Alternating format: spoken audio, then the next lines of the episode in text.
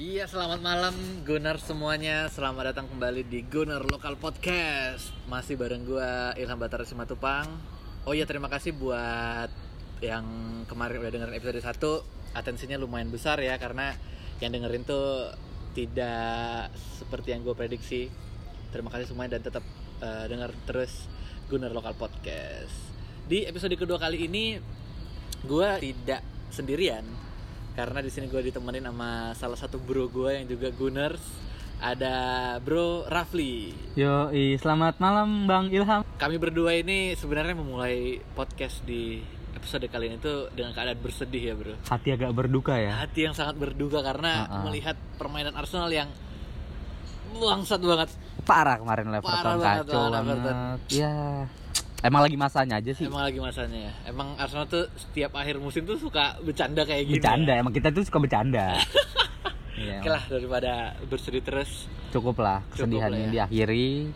kita Mari lanjut kita lanjut bahas, bahas topik berikutnya. di episode kedua kali ini eh, kami pengen bahas ada dua topik. Hmm. Yang pertama soal salah satu pemain yang gua rasa Lagi besar-besarnya lagi sih sekarang. besar-besarnya dan cukup dicintai di Arsenal. Sangat dicintai. Sangat dicintai. Iya, Betul, di sangat Arsenal. dicintai. Ah, Sama yang kedua pasti kita ntar, eh, ntar ada preview match Europa League lawan Napoli. Hmm. Oke, kita langsung aja masuk ke segmen yang pertama. Di Ya. Segmen yang pertama ini gue pengen membahas seorang pemain yang gue bisa bilang dia adalah revolusioner di Arsenal. Kenapa? Karena yang pertama, dia ini setelah sekian lama Arsenal tidak pernah membeli pemain bintang. Hmm. Akhirnya dia Datang. beli. Akhirnya dia datang. Dan bahkan dia tidak ada rumor yang Gak ada, gak ada sama sekali rumor itu menurut gue ya. nggak ada berita yang ini kan ya, nggak ada Kencang. gosip-gosip yang kenceng. Tahu-tahu masuk. Tiba-tiba datang aja. Itu juga di deadline gak sih masuknya?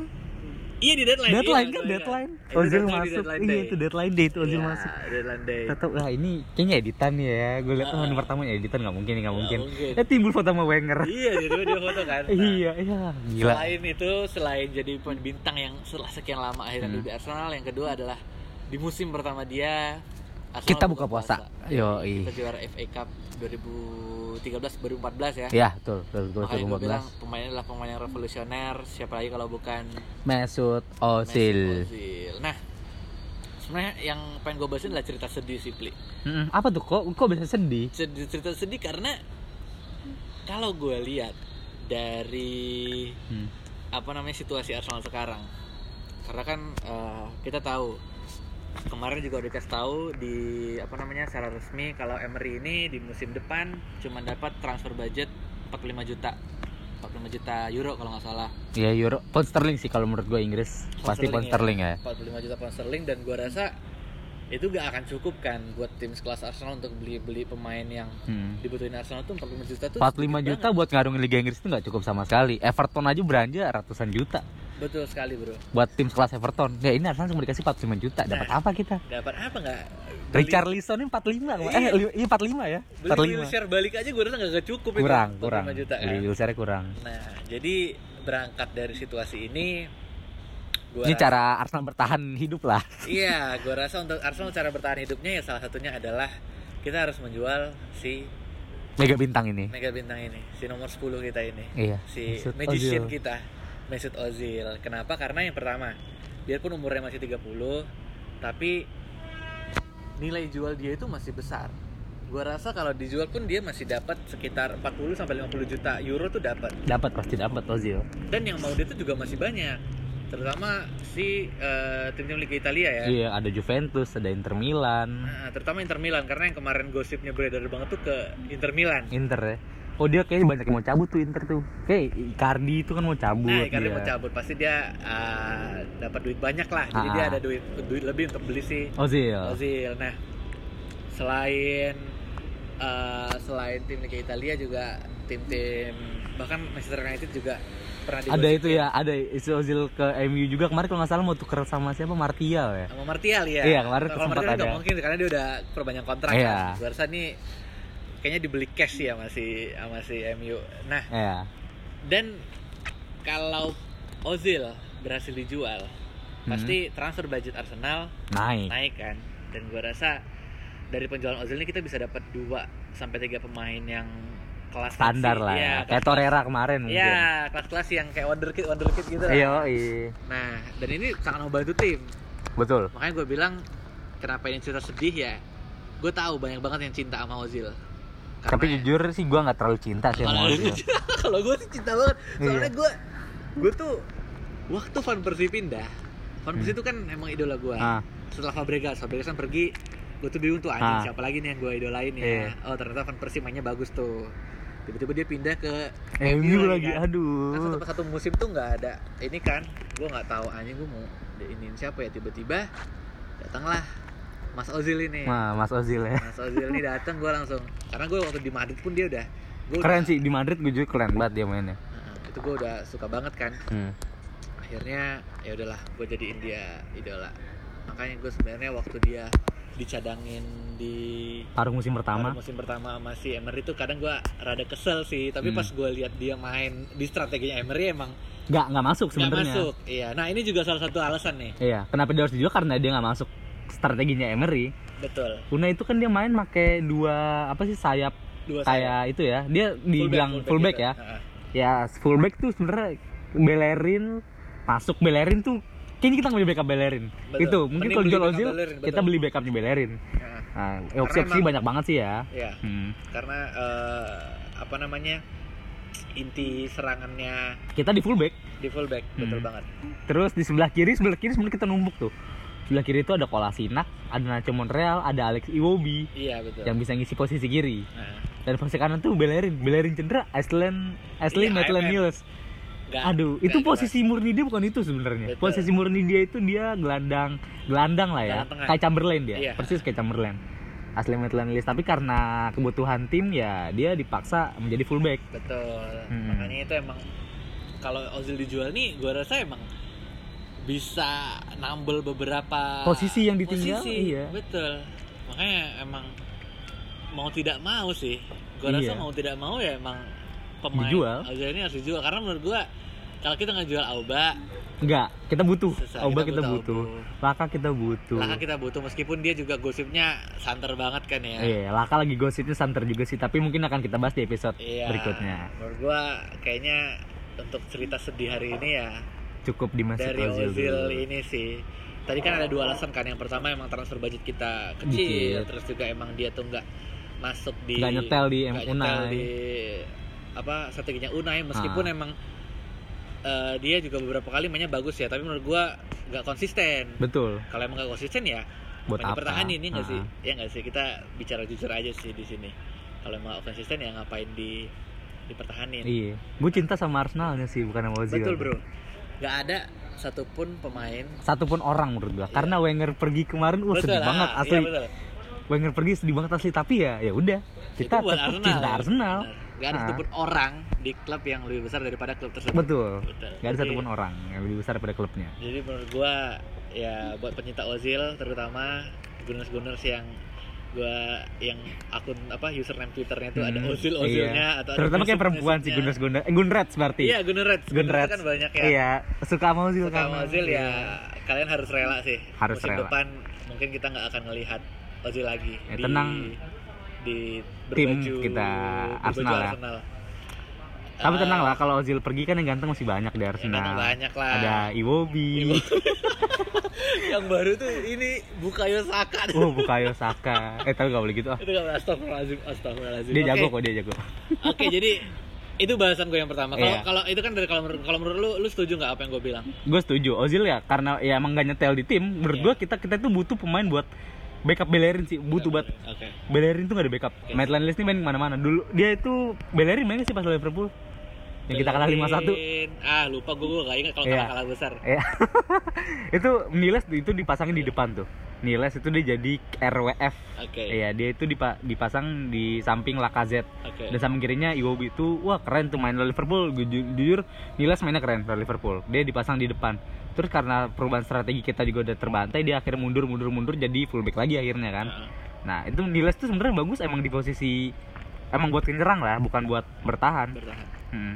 dan ya kalau dipasang kayak gitu kasihan dianya kasihan dia jadi Ah, ah. malah nggak nggak gue takutnya dia ke Chamberlain nggak nyentuh potensi ini. Nah, ah, Chamberlain kayak merasa di Arsenal, gue di situ mulu mainnya. Betul, betul. Gue bukan di situ posisi main gue. Akhirnya ya, dia memutuskan buat pindah ke Liverpool. betul, betul. Dan ketika dia main di Liverpool, dia main di posisi yang dia inginkan. Betul. Bagus. Jadi, ya. Jadi, sekarang Jadi. aja dia cedera kemarin. Nah, ah, cedera ya emang pemain Apalah. tipikal lari gocek-gocek gitu kan Betul. gampang cedera. Betul. Ah, ah.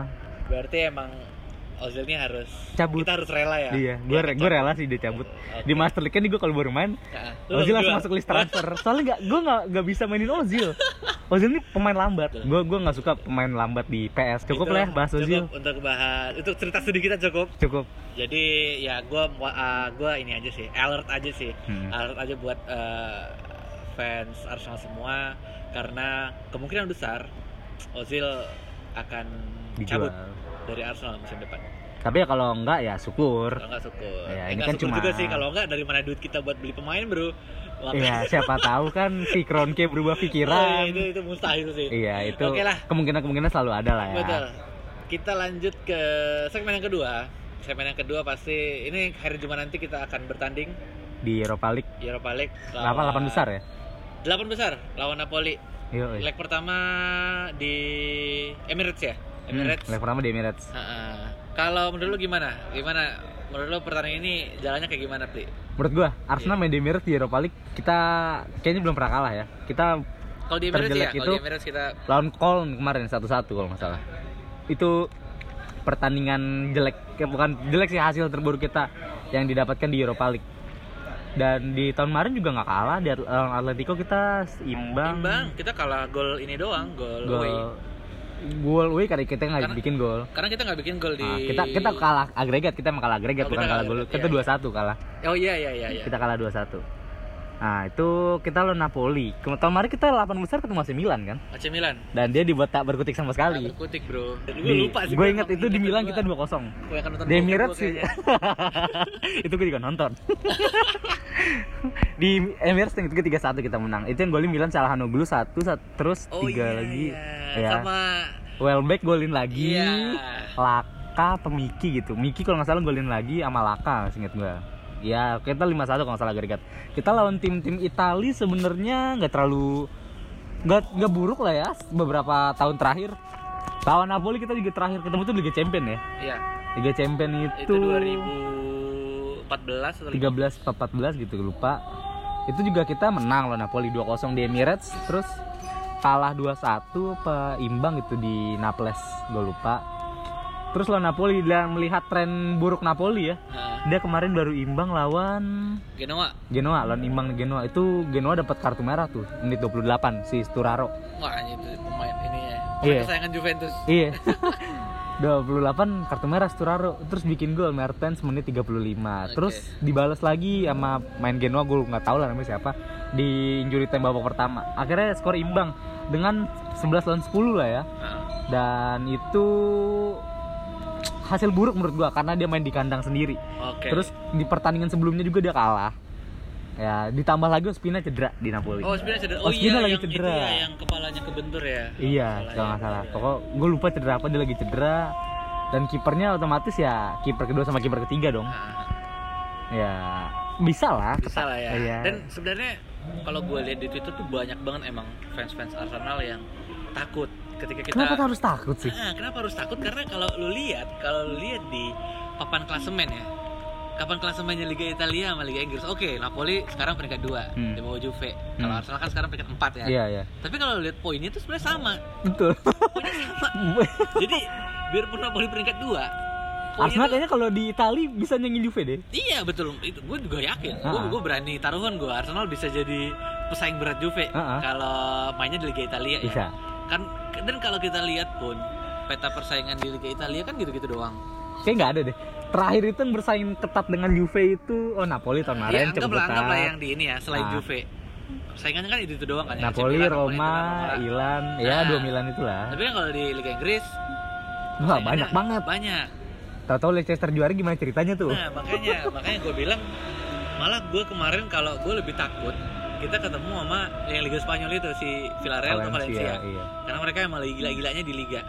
Iya, dua-dua tim itu emang lagi gila sih di liga. Nah, kemarin aja Villarreal seriin Barca loh 4 sama. Empat sama dari 4-1 sih, tapi tetap aja lah gimana sih Iya, kelasnya Barca kelar ya. soalnya kan. Iya, iya. Nah, makanya gue bilang kalian tuh nggak usah takut kalau lawan Napoli. Nah, Napoli doang. Nah, pertama kita track record kita tadi lawan tim Italia kita Cukup bagus lah ya. Bagus, Beberapa benar. tahun terakhir. ah, ah, kita terakhir kalah ya itu doang lawan Napoli Hmm. yang 2-0 di Liga 2-0. Champions. Kan kita saling dua kalah satu kalau nggak salah dua satu Ah. Iya kita saling kalahin kan di Napoli kita kalah, di Emirates kita ngalahin mereka. Hmm. Makanya gue bilang nggak usah takut sih, Hmm. santai aja. Oke lah, mungkin kalau kita main away akan rada susah. Tapi gue rasa kita bisa bantai mereka di laga home ini. setidaknya menurut gue ya kalau kita main yang jelas di home ini nggak boleh kebobolan Oke. tapi melihat trennya M Unai yang selalu memainkan Peter Cech di Oh, Liga Eropa gue agak pesimis iya. Kita belum pernah clean sheet deh kayaknya. di Liga Eropa Liga pernah Eropa, pernah. kemarin kita lawan Bate 3-0 Oke oke oke. Bate kita 3-0 terus lawan apa sih sebelumnya Ya itu berarti yang 16 besar kan sebelumnya. yang Grup kalau 32 32 32 lawan Bate kemarin itu kita Enggak, lawan 16 tuh kita lawan Rene. lah iya 16 lawan Rene Dua- 3 lawan dua Bate lawan Rene kita berapa kosong sih di Kita, Emirates kal- kita Kan 31 Oh, 31 ya? 31 kalau nggak salah. tiga satu oh ya tiga satu bukan tiga satu tiga satu tiga kosong kalau nggak Oh, salah 31 30 ya. Nah, Berarti kita clean kalau sheet di ya. Emirates ya clean sheet tapi kalau lihat kiper Peter Cech melawan Mertens dan Insigne berat sih. berat dan kayaknya back kita nggak akan berubah banyak tetap si Socrates kayaknya kemarin nggak ada masalah ya Eh, Socrates tuh kayaknya eh, Socrates itu kemarin dapat kartu kuning jadi dia nggak ngaruh kan di Liga Eropa Di Liga Eropa nggak ngaruh. Makanya gua rasa pasti dia bakal main ya Socrates bakal main ada mungkin nggak Mavropanos debut Menurut gua kayaknya enggak sih karena ini udah 8 besar, Bro. Nggak Oh, mungkin ya. segembel itu sih Emery ya kalau berarti dia tetap ya maaf si Socrates, iya. Socrates, Mustafi sama Nacho sama Nacho gua rasa. Terus di sampingnya menurut gue Iwobi bakal main. pasti kita Iwobi kalau gua bakal rasa kalau main. main di home apalagi lawan tim yang kayak Napoli Hmm. kita pasti all out attack. Gua rasa juga si Auba sama Laka starter. Mungkin. Karena kan dua pertandingan terakhir kan mereka nggak main bareng kan dari Iya. awal. Yang Newcastle Auba, Laka. Laka. terus yang starter sama Everton. Karena Laka emang lagi tren bagusnya sih. Hmm. Harus diakui sekarang ini Laka tren bagusnya. Auba turun. Malah turun. Dia terakhir bikin gol itu lawan apa sih? ya? Yang itu MU. yang lawan MU. penalti. Iya, penalti. Iya. Ya, terus Denis Suarez menurut gue gak bakal main Tetap Aslan Maitland Niles Tapi gue ada eh, tanda-tanda nih Kayaknya Jenkinson bakal main besok Niles bakal ditaruh tengah bareng sama Torreira Iya Torreira. Torreira pasti main Torreira gua kuang kangen. Torreira pasti main terus si Ramsey mungkin main ya Mi Ozil ya. Ozil Ozil atau Miki menurut gua Iya. Oke. Ini Suarez nggak bakal main lah. Oke, prediksi lo skor berapa? Prediksi gua. Prediksi gua mungkin 2-0. Siapa nyetak? Yang nyetak Iwobi Iwobi. sama eh, Laka mungkin. Sama Laka, Iwobi sama oke. Laka. Iwobi sama Laka. Oke, oke. atau mungkin sundulan salah satu. Sebenarnya kalau gua kayaknya kita menang 3-0 sih. 3-0 Lacazette hat trick gua. Laka Z hat Target hat-trick. Itu dia tadi prediksi apa? eh, prediksi kami ya. untuk pertandingan. Besok di Europa League 6 League. eh 8 besar Delapan besar. lawan Napoli Tadi dari lu berapa 2-0 ya? 2-0. Kalau dari gua tadi 3-0. Oke, Iya. sekian dulu episode kedua dari Gunar Lokal. Podcast. Terima kasih bro udah mau collab datang yo di- i- terima kasih juga Bang Ilham udah mau mengundang saya Iya soalnya kalau sendiri rada aneh gitu. iya iya Ya makanya gua kat- banyak juga yang bilang berdua sih. Jadi, bakal sering-sering gak nih apa? Oh siap nanti. Ih, Kita gokil. tinggal tinggal nyatuin jadwal aja. ah siap Eh, Oke, iya oke sekian dulu episode kedua kali ini. Sampai jumpa di episode selanjutnya. Bye-bye. dadah